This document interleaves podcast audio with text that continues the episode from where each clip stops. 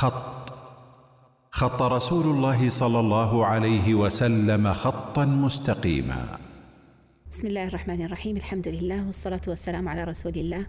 وآله وصحبه ومن والاه أما بعد. السلام عليكم ورحمة الله وبركاته. وعليكم السلام ورحمة الله حياك الله دكتورة. أهلا وسهلا. وعدنا المستمعين الكرام أن نكمل في هذه الحلقة ما بدأناه في الحلقة الماضية عن التأمل. وكنا توقفنا عند انتشار التأمل في العصر الحديث خارج النطاق الديني.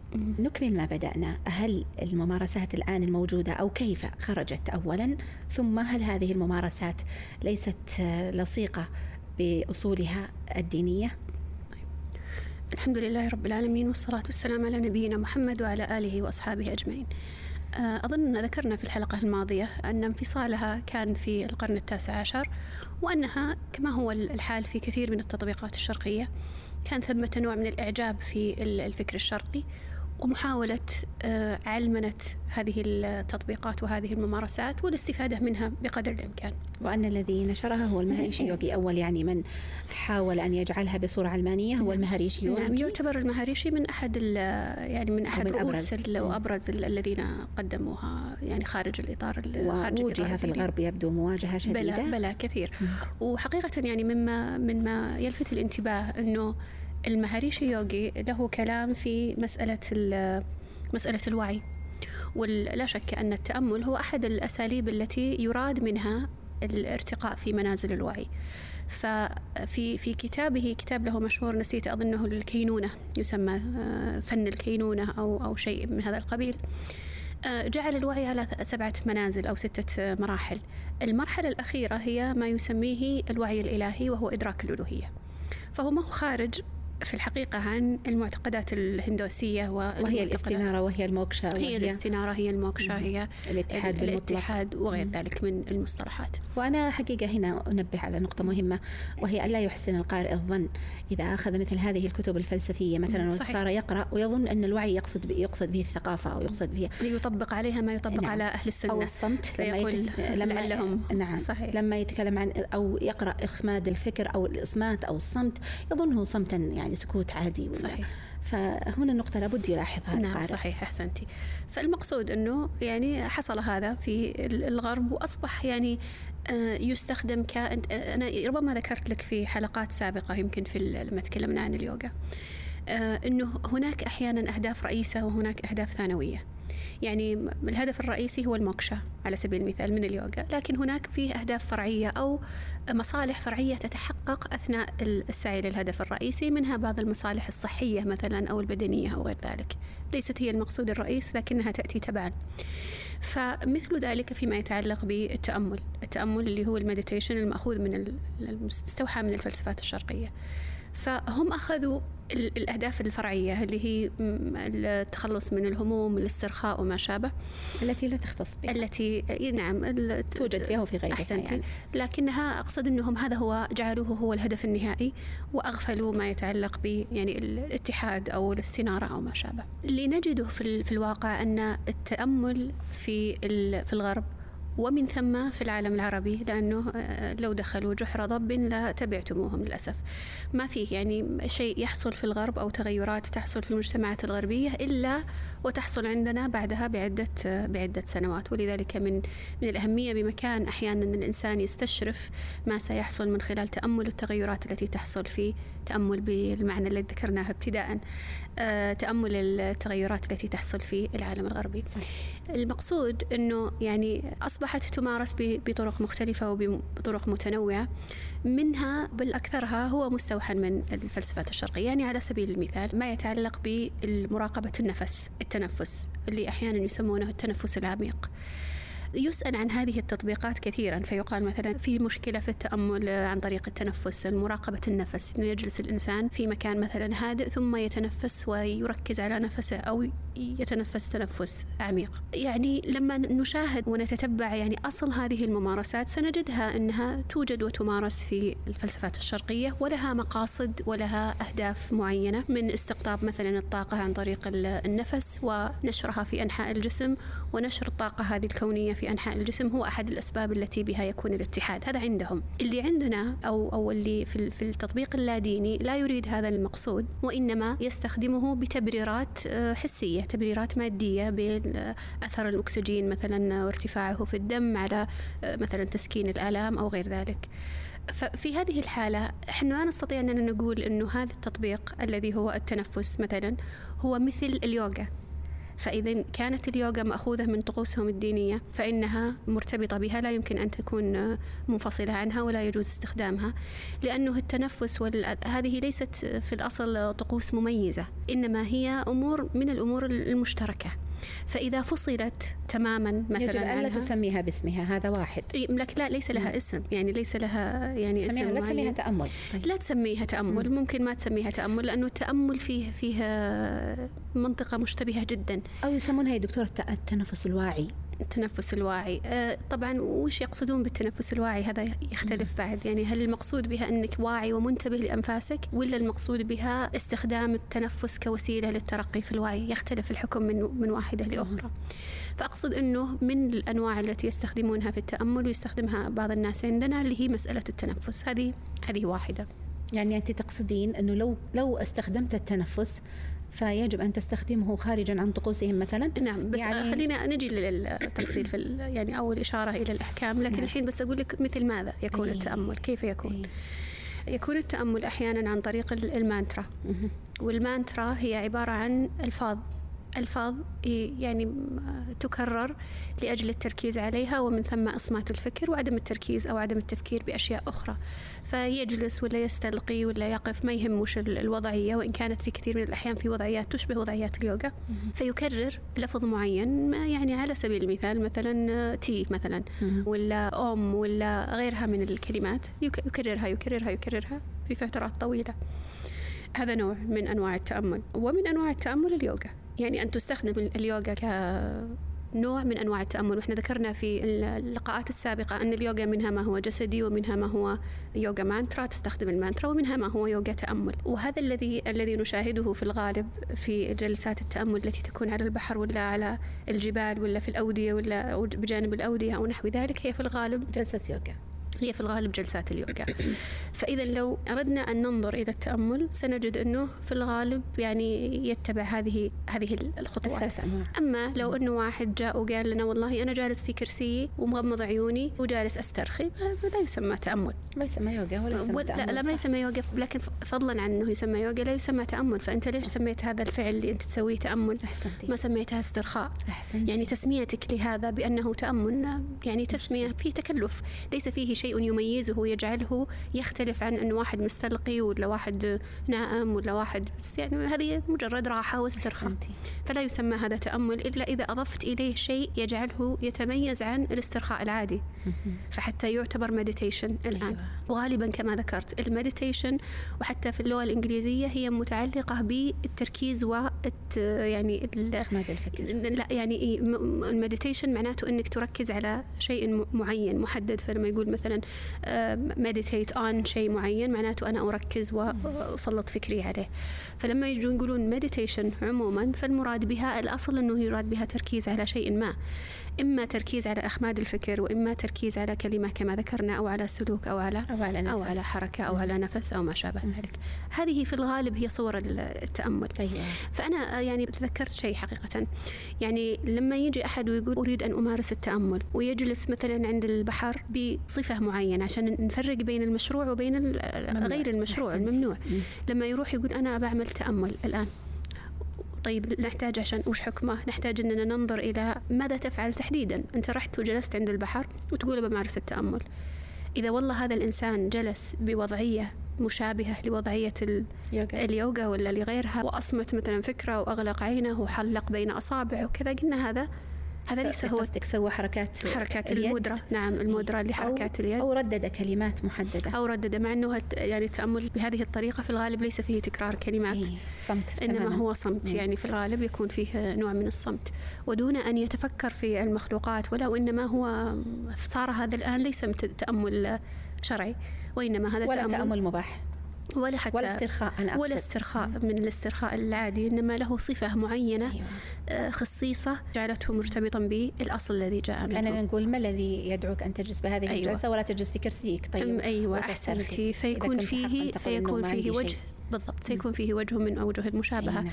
بخلاف واحد ثاني قال أنا بروح بتأمل عند البحر ونشوفه جالس جلسة اعتيادية جلسة يجلسها الناس على كرسي ولا على الأرض دون أن يكون لها صفة مخصصة.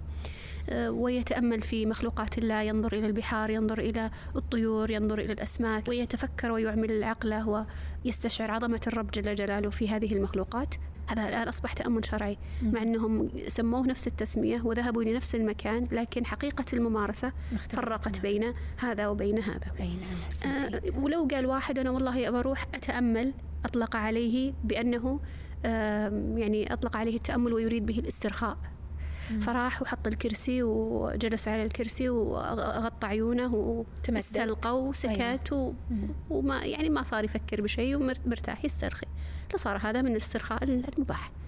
فإحنا الآن نحتاج أننا لأنه المصطلح يعني مجمل صار ويحتمل عدة معاني نحتاج إلى أن نحرر ما المقصود به قبل أن نحكم عليه ونقول هذا نعم. آه، من المشروع ولا من من الشرقي ولا من الغربي ولا غير ذلك. طيب هل يمكن ممارسة التأمل بمعزل عن الأثر الروحاني؟ يعني لما جاي يجي واحد يقول أنا ما أعتقد هذه المعتقدات تماما حتى وإن جلست هذه الجلسة. أنا أقول لو جلس وضعية دعاء أي.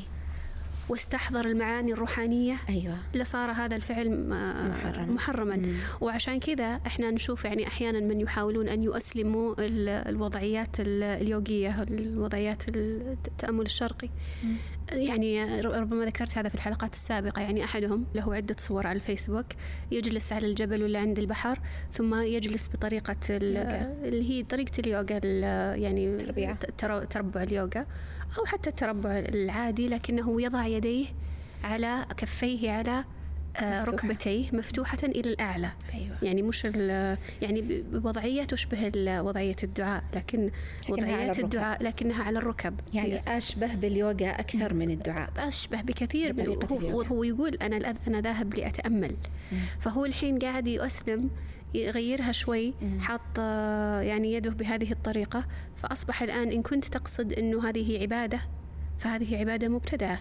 الله سبحانه وتعالى لا يتعبد بالواحد جالس وصامت ولا ي... لا يفعل شيئا. لا لا في فكره ولا في جسده. هذا ما هذا آه، هذا الفعل الس- السلبي هذا. لا يعتبر عبادة وإن اتخذت اتخذته عبادة فهو بدعة ما يمكن تغلب نعم. ما يمكن تستخدم هذه الطريقة وتقول أو إن أردت أنك تستخدم نفس المفهوم الروحاني لكنك تزينه شوي وتلطفه فنقول لا, لا هذا لا يخرجه من إطاره الروحاني الأصلي نعم. حتى لو غيرت يدك بدل ما تحطها دائرة وتحطها على شكل دعاء فأنت أصلا المقصد الأصلي من هذا هو مقصد مشابه لمقاصد الروحانية فلسفي يعني. مقصد فلسفي يعني مشابه للمقاصد الروحانية يظن أنه بهذه الطريقة يستقطب طاقة مثلا أي أو بالضبط. يظن أنه بهذه الطريقة ستتحرر روحه أو تنتصر روحه أو أي شيء من المعتقدات أحسنتي. الفلسفية التي ليس لها يعني ليس أصل لا لها. شرعي ولا يعني يعني هي أساسا أمور غيبية أحسنت. أما أن تتلقى من الشرع بشكل صحيح أو فهي فلسفات نعم، دينية صح- صحيح. مهما مهما حاول الإنسان صحيح. يجردها طيب لو قال أحد ما المانع لو استخد استخدمنا هذا النوع من التأمل أو الاسترخاء وفراغ التفكير في الاتصال بالله والتقرب إليه ومناجاته كالدعاء يعني مثلا دعونا نعبد الله بأي طريقة نرتاح لها ماذا عن إدراج التأمل بالمفهوم السابق في العبادات هذا هذه النقطة اللي بدأتي إيه بها؟ طيب ماشي يعني كأنك تقولين آه، لو أننا بدل ما نقصد بهذا الفعل نقصد به ال- الاتحاد بالمطلق ولا تحقيق الروحانية خلونا الله. خلونا لا خلونا نعبد الله بهذه نعبد الله الطريقة. بهذه الطريقة. أننا نعبد الله عز وجل بهذه الطريقة. مثل هذا الذي يجلس على آه، رأس الجبل ويعمل هذه الحركة يظن أنها بهذه الصورة أصبحت عبادة. يعني هم هي أسلمة. لكنها الحقيقة أسلمة ما هي ما هي موفقة يعني هذه هم تلب- يسمونها يا دكتورة أسلمة وهي هذا تلبيس هذا نعم. تلبيس وحنا طيب. تكلمنا عن التأسلمة أظن في بعض إيه. الحلقات الأولى قديمة يعني من. أراد ي- ممكن إنه يرجع لها. لا شك طبعا أن أولا أنه نعلم أنه العبادات توقيفية أحسنتي. والأصل في العبادات المنع وهذه قاعدة ربما يجهلها بعض الناس أن الأصل في العبادة المنع والتحريم حتى يدل الدليل على مشروعيتها. فما يجي أي إنسان يقول أنا بعبد الله عز وجل بالطريقة التي أريد أنت المقصد أصلا من العبادة ما هو؟ أنك ترضي الله سبحانه وتعالى. فإذا أردت أن ترضي الله لابد أن ترضي الله بشيء تعلم أنه يرضيه. وأنا كيف أعرف أنه هذا الشيء يرضي الله جل جلاله؟ إلا بما أخبرني به الله جل جلاله إما في كتابه سبحانه وتعالى أو في سنة نبيه عليه الصلاة والسلام.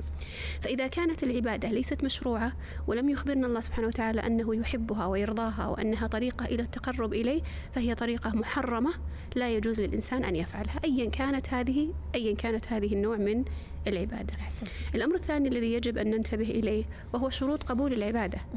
يعني ممكن يجي أحد ويقول طيب أنتم ليش تحجرون واسع؟ أنا قصدي ونيتي حسنة. أنا ماني جالسة أنوي البدعة ولا أقصد إني أعصي الله سبحانه وتعالى. نقول إيش؟ نقول الأصل أن العبادات لا تقبل إلا بشرطين. إلا بشرطين. والشرطين هذه إيش هما الإخلاص والمتابعة. فالإخلاص هو أن تكون النية خالصة لله سبحانه وتعالى ليس المقصود بها الرياء ولا السمعة. والشرط الثاني أن تكون المتابعة. والمتابعة لمن؟ متابعة لرسول الله صلى الله عليه وسلم أن تكون على السنة. فلو جاء إنسان وقال أنا أعبد الله عز وجل بالطريقة التي أريدها ويخالف بذلك السنة هذه العبادة ليست مقبولة. هذه تدخل في البدعة. تدخل هذه في البدعة. ولذلك النبي صلى الله عليه وسلم قال من أحدث في أمرنا هذا ما ليس منه فهو رد. نعم. مردود عليه. ما يقبل منه إذا كان محدثا ليس عليه دليل. وكذلك لما تكلم ال- العلماء عن تفسير قوله تعالى ليبلوكم أيكم أحسن عملا. ففسره بعض المفسرين وقالوا أن المقصود به لابد أن يكون مخلصا صائبا. نعم. والصواب هو الذي يكون على ما كان عليه النبي صلى الله عليه وسلم. فالمقصود إذن لا بد في العبادات أن تكون يعني تنطبق فيها هذه الشروط. وهنا ننتبه إلى أنه طيب هذه العبادة التي زعمت أنها عبادة. هل تنطبق عليها هذه الشروط؟ هل عليها دليل بهذه الصفة وهذا الشكل؟ وهل هي فيها متابعة لتقبل منك أصلا؟ لا, نجد فيها انطباق هذه الشروط. يعني خليني أذكر مثال بسيط. كمن يقول مثلا أريد أن أصلي العصر خمس ركعات. بالضبط أكثر وش المشكلة؟ أكثر أزين التكثير أي نعم.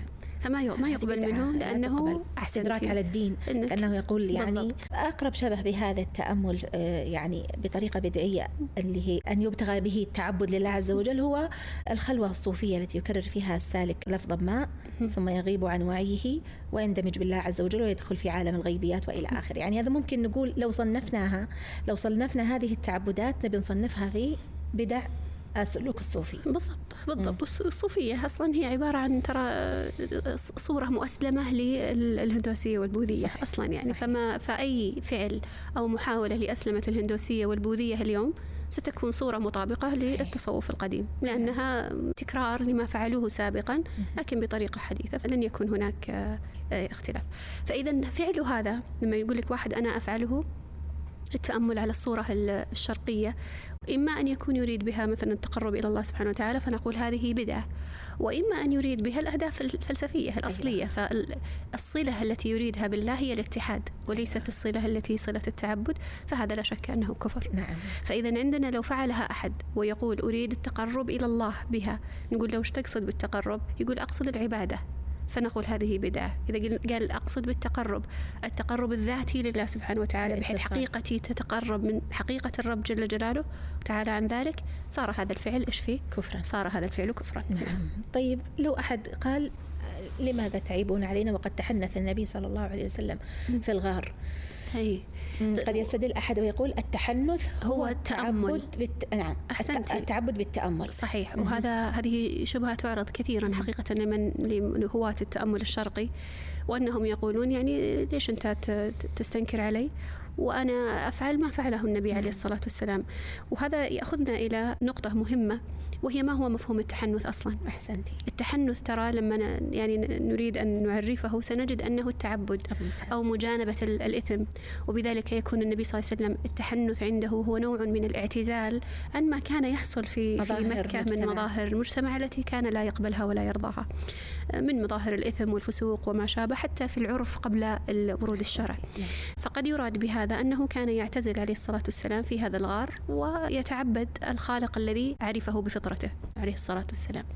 فإذا ليس فيه آه، تحنث ليس فيه وصف للتأمل أو ليس فيه إشارة إلى هذا المعنى الذي الذي المعنى. الفلسفي يعني. الفلسفي. نعم. ثم إنه لم يرد ترى وصف لهذا التحنث. في السنة يعني ورد الإشارة إليه أن النبي صلى الله عليه وسلم كان يتحنث لكنه لم يرد وصف هذا التحنث وصفته التي. كان عليها وهيئته التي كان آه، يت- يتخذها النبي عليه الصلاة والسلام نعم. في ذلك لكن لا لا يتصور أن النبي صلى الله عليه وسلم يذهب لأجل لا شيء يجلس جلسة يوغا ولا لأجل أن لا يفكر في شيء شو الفائدة إذا نعم.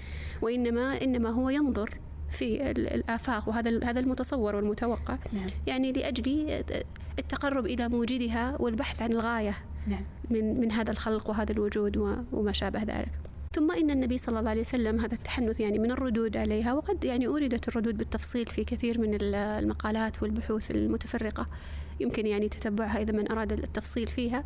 لكن النبي عليه الصلاة والسلام ترى ما تحنث بعد البعثة صحيح صحيح. وإنما هذه كانت قبل البعثة يعني قبل النبوة قبل. الشرع ولو كان هذا الأمر مقبولا أو كان هذا الأمر مشروعا لاستمر عليه عليه الصلاة والسلام بعد البعثة فما كان يفعله عليه الصلاة والسلام ترى قبل البعثة لا يعتبر شرع لا يعتبر دين صحيح لا يعتبر شرع نعم. ولا يعتبر دين ولا, ولا يتعبد به. الإنسان بمحاكاته نعم. أو تقليده أو تطبيقه وإنما ما هو ما, ما كان من الدين هو ما حصل بعد البعثة هذه هي السنة وما استمر عليه النبي صلى الله عليه وسلم بعد البعثة فهذا الذي يكون يكون سنة ويصح للإنسان أن يحتج به كدليل على مشروعية عبادة ما نعم حسن. فإذا لم لم يفعله النبي صلى الله عليه وسلم لاحظي أن النبي صلى الله عليه وسلم اعتاض عنه أو يشبه ذلك ما يحصل في الاعتكاف. أحسنتي.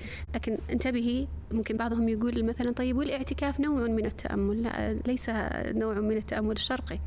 لأنه الاعتكاف النبي صلى الله عليه وسلم لما يعتكف أولا لا ينفصل ولا ينعزل عزلة تامة يحضر الجمع والجماعات وربما يأتيه زوار من أهله فليست عزلة كاملة تامة ويتكلم عليه الصلاة والسلام في هذه تفرغ للعبادة مدة من الزمن. بس. وبالإضافة إلى ذلك فإنه يشغل وقته بماذا؟ بالعبادات المشروعة المعروفة ما في شيء كذا مجهول ولا سري ولا غريب مستغرب. نعم. إنما هي العبادات المعروفة الذكر والصلاة وقراءة القرآن. فليس فيها شيء مستغرب ولا شيء نقول آه هذا هو يمكن يصير مثل التأمل. لا لا, لا يوجد شيء من ذلك. ويتكلم مع من يزوره ويتكلم, ويتكلم مع من يراه ويأكل ويشرب نعم. ويعيش حياته. إنما هي نوع من التفرغ للعبادة. أحسن. للعبادة المشروعة التي وردت فيها أدلة.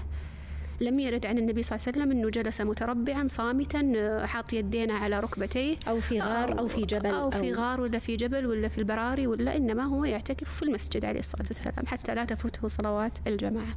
فالحجة ساقطة من أساسها لا يمكن أن, أن يحتج بها إلا من لم يتصور حقيقة أبعاد هذا الفعل الذي كان يفعله عليه الصلاة والسلام ودائما يرد يعني سؤال في مثل هذا الموضع فيقال ماذا تريد؟ طيب إذا كنت تريد أن تفعل مثل ما فعل النبي صلى الله عليه وسلم قبل بعثته هل تريد أن يوحى إليك مثلا؟ هل هل, نعم. هل تتوقع أنك ستصل في النهاية إلى هدف؟ إلى النبوة. إلى النبوة؟ أي هذه إشكالية أخرى هذه إشكالية. هذه نعم إشكالية صحيح. معروفة عند فلاسفة ملاحدة الفلاسفة في الغالب صحيح.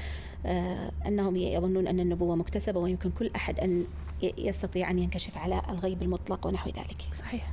طيب لو قال أحدهم أنا أتعبد لله عز وجل بهذا الصمت ماذا يعني ماذا عن التعبد بالصمت؟ قد ورد في شرع الله عز وجل الحث على الصمت. صحيح. من كان يؤمن بالله واليوم الآخر فليقل خيرا أو ليصمت أحسنتي. أو ليسكت. وهذا هذا يعني أيضا من الشبهات التي تورد في, في مثل هذا السياق. يقول لك مثلا إحنا أنا جالس صحيح عند البحر ومسكر عيوني ولا أقول شيء ولا أذكر ولا أنا صامت. وهذا الصمت بحد ذاته عبادة.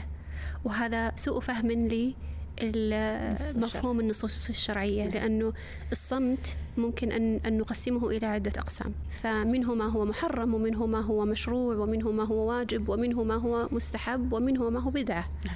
فيختلف الصمت ما المقصود به. وهذه مشكلة عند بعض الناس أنهم يأخذون النص الشرعي أو المصطلح الشرعي أو المفهوم الشرعي ثم يطبقونه على كل شيء دون تمييز بين الفوارق بين الأشياء والتطبيقات. فنأتي بل يوسعون يا دكتورة من عندهم. صحيح أحسنتي وهذا يعني لما نجي للصمت عندنا مثلا النوع الأول من الصمت أن نعم. يكون الإنسان صامتا عن الإثم وعن فضول الكلام. ممتاز. فهذا إما واجب وإما مستحب. فكونك تصمت عن الكذب ولا تصمت عن الشتم ولا تصمت عن اللعن هذا واجب. صح ولا لا؟ نعم. وكونك تصمت عن فضول الكلام من حسن إسلام المرء تركه لما لا يعني ولما قال النبي صلى الله عليه وسلم من كان يؤمن بالله واليوم الآخر فليقل خيرا أو ليصمت هذه هي المقصود بها أن ما عندك خير تقوله فضول كلام ما عندك اصمت فهنا يكون الصمت يكون هذا الصمت في هذه الحالة؟ إذا إذا صمت محدد ب صمت محدد. نوع نوع من الكلام إما فحش الكلام المحرم الكلام أو المحرم فضول الكلام. أو فضول لا الكلام. الصمت المطبق. نعم أحسنتي. بل إنه محثوث على الذكر. إذا صمت أحسنتي صحيح. فلتذكر الله صحيح. فلتسبح. صحيح أحسنتي. نعم. والنوع الثاني هو الصمت عن الواجب مثل أن يصمت عن الأمر بالمعروف والنهي عن المنكر ولا عن نشر العلم ولا إقامة الحق ولا الشهادة عند عند الحاجة إليها أو عند الذكر في المواضع التي يلزم فيها الذكر مثل الصلاة واحد بيقوم الصلاة يقول بعبد الله بالصمت فيكبر ويصمت. هذا صمت لا شك أنه صمت محرم. ثم الصمت عن المباح مطلقا فهذا يعد بدعة. يعني لما يجي إنسان يقول أنا أتعبد الله ليس بترك الكلام المحرم وإنما أتعبد الله بنفس وذات الصمت. في ترى فرق.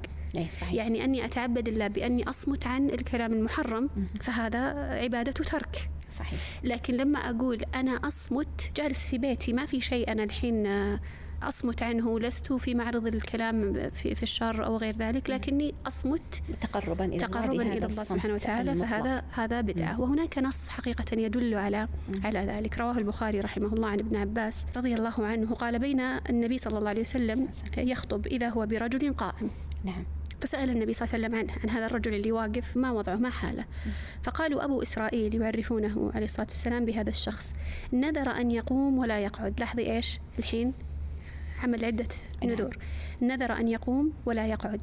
واحد. ولا يستظل نعم ولا يتكلم ويصوم. ثلاثة. أربعة. أربعة. أشياء. أيوة. نذر بأربعة أشياء. نعم. أن لا يستظل وأن لا يجلس ويقعد وأن لا يتكلم وأن يصوم.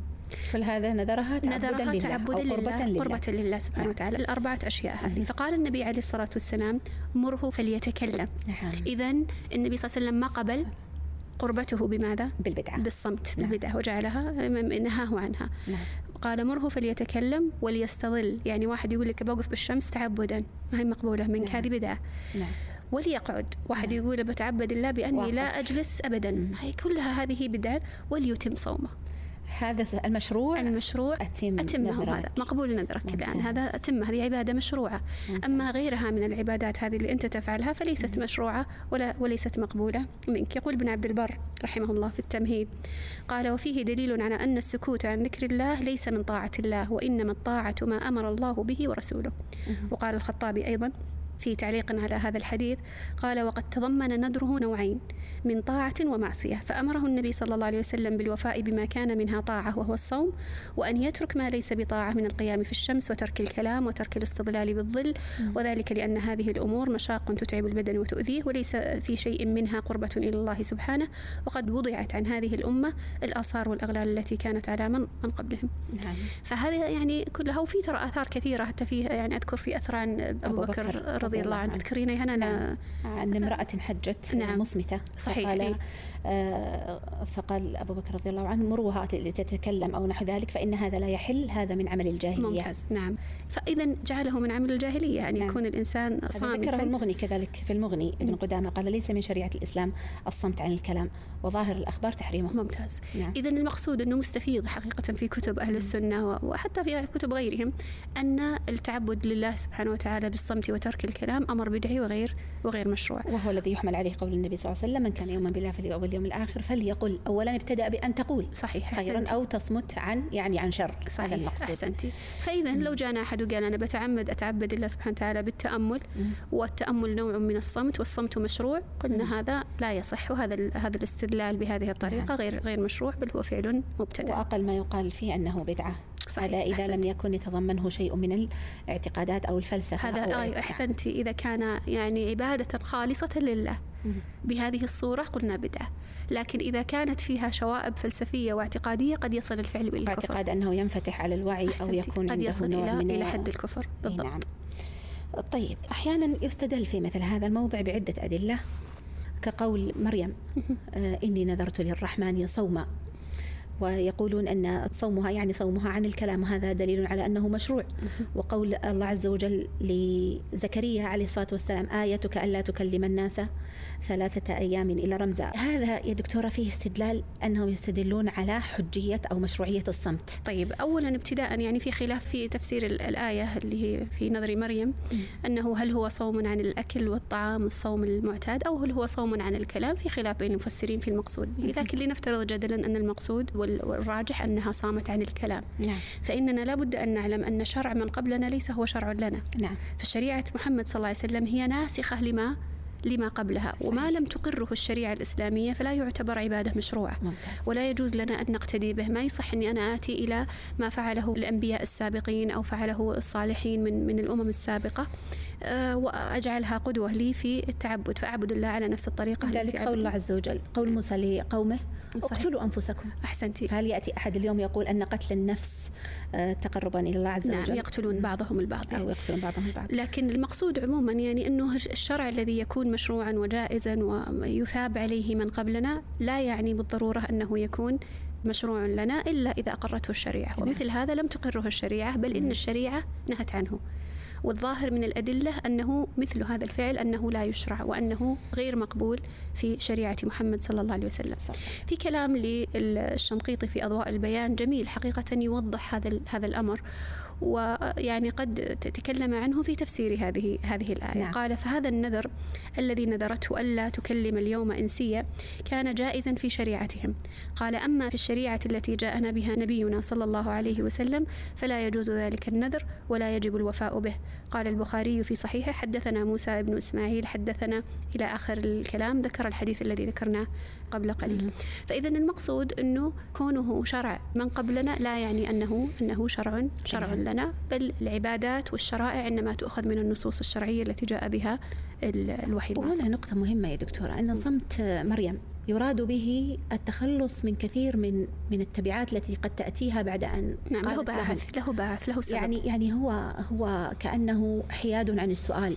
فأبن جرير الطبري رحمه الله قال أمرها بذلك لأنه لم يكن لها حجة عند الناس ظاهرة وذلك أنها جاءت وهي أيم بولد. نعم صحيح. فأمرت بالكف عن الكلام ليكفيها الكلام ولدها. نعم صحيح. نعم. صحيح فإن إتيان المرأة بولد من دون زوج ودعواها أنه من غير أحد من أكبر الدعاوى التي لو أقيم عدد من الشهود لم تصدق. فجعلت بينه يعني بينهم وبينها هذا الخارق للعادة الذي هو حديث الولد نفسه حتى يقال يعني الأمر خارج عن المعتاد. وقيل أن شريعتهم الصيام عن الطعام وعن الكلام وهذا الذي ذكرته قبل قليل أنه شرعهم ليس شرعا لنا إلا إلا من ذكر الله. هذه نقطة ترى مهمة جدا أنه لم يكن صمتهم هذا الذي فيه نوع من التعبد لم يكن صمتا مطبقا. بل هو صمت متضمن للذكر. نعم متضمن للذكر فهو ليس إصمات ولا إخماد للعقل. يقول ابن كثير كانوا إذا صاموا في شريعتهم يحرم عليهم الطعام والكلام. يعني الكلام اللغو. ويا هنا يعني خطر في بالي الآن يعني بس يعني على عجالة. لما يقال أنه صمت متضمن للذكر برضه الذكر هو بالطريقة المشروعة.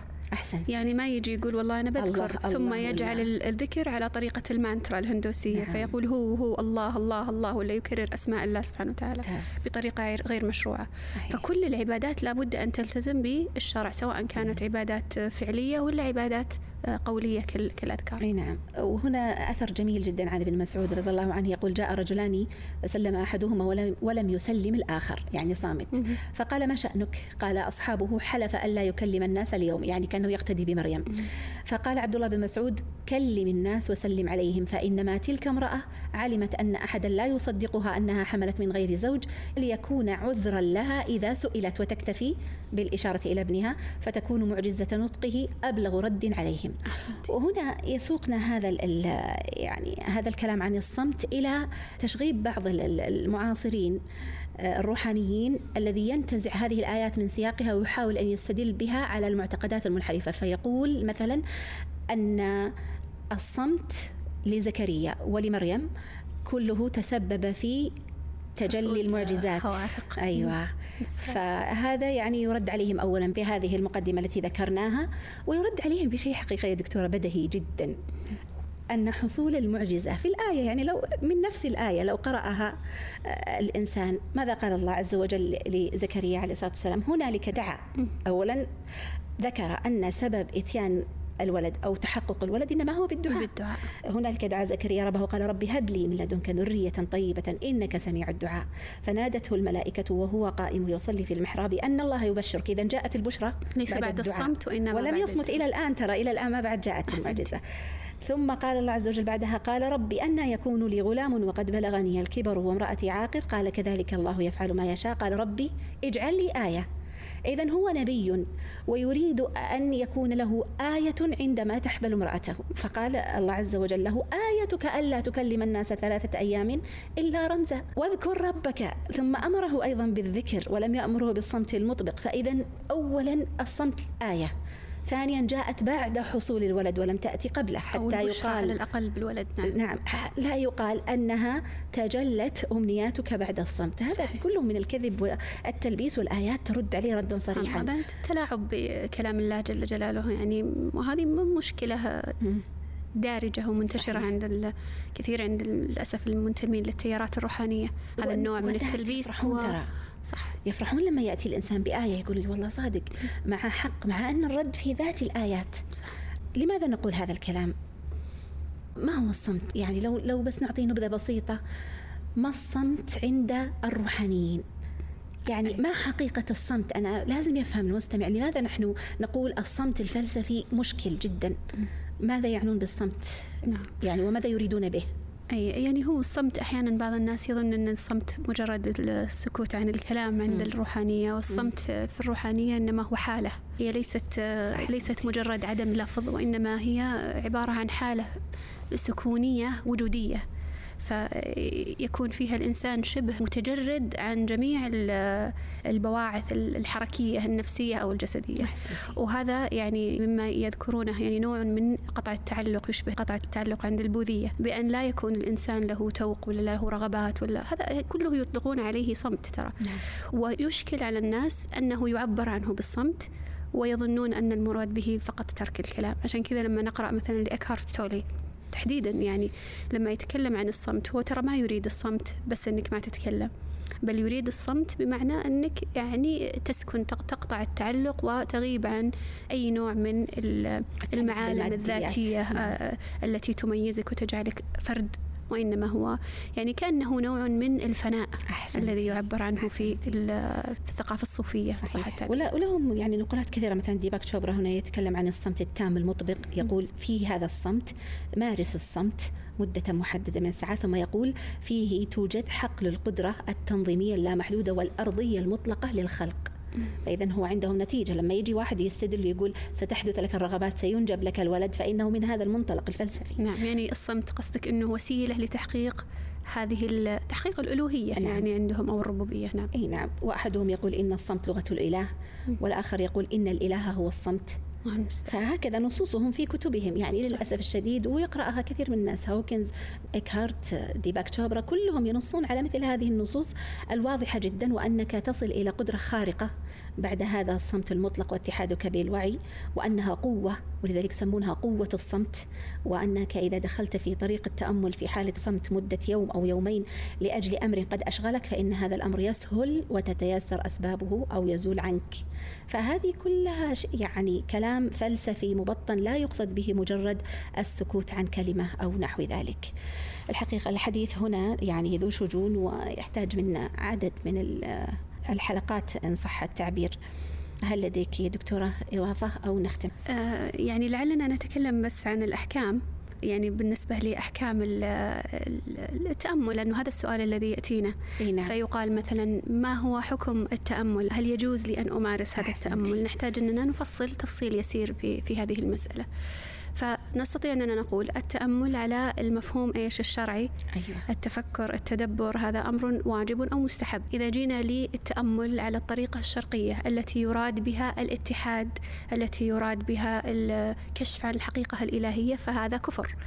إذا قال أريد أن أتأمل لتحقيق ال- الصفاء الذهني أو تحقيق الاسترخاء أو غير ذلك بطرق مشابهة لطرق ال- التأمل الشرقي وطرق فيها آه، خصائص للتأمل الشرقي كمثلا جلسات اليوغا أو ترديد ألفاظ خاصة بهذه الفلسفات فإن هذا محرم لا شك لأنه من مشابهة الكفار فيما هو من خصائص دينهم وهذا فصلنا فيه في حلقات أحسنتي. اليوغا. إذا قصد بالتأمل نوع من ممارسة الاسترخاء التي لا علاقة لها بالخصائص الشرقية. نوع مثلا من الاستلقاء التنفس ال- العميق حتى يعني بطريقة ليست مخصوصة تهدئة التفكير عدم التفكير في الأشياء المشغلة آه، نحو ذلك الاستلقاء في في الماء. فهذا يعتبر يعني من الأمور ال- مباحة. المباحة. ولكن لا لكننا تسمى تأمل. يعني أحسنتي لكننا يعني نتحفظ على تسميتها تأمل لأجل أن التأمل يعني ينصرف عادة إلى هذه الممارسات التي إما أن تكون شرقية صرفة أو أن تكون فيها. شوائب آه، من من الفلسفة الروحانية نعم الشرقية. تفصيل جميل جدا. أسأل الله عز وجل أن يبارك فيما نقول وتسمعون. سبحانك اللهم وبحمدك أشهد أن لا إله إلا أنت أستغفرك وأتوب إليك. الحمد لله والصلاة والسلام على رسول الله.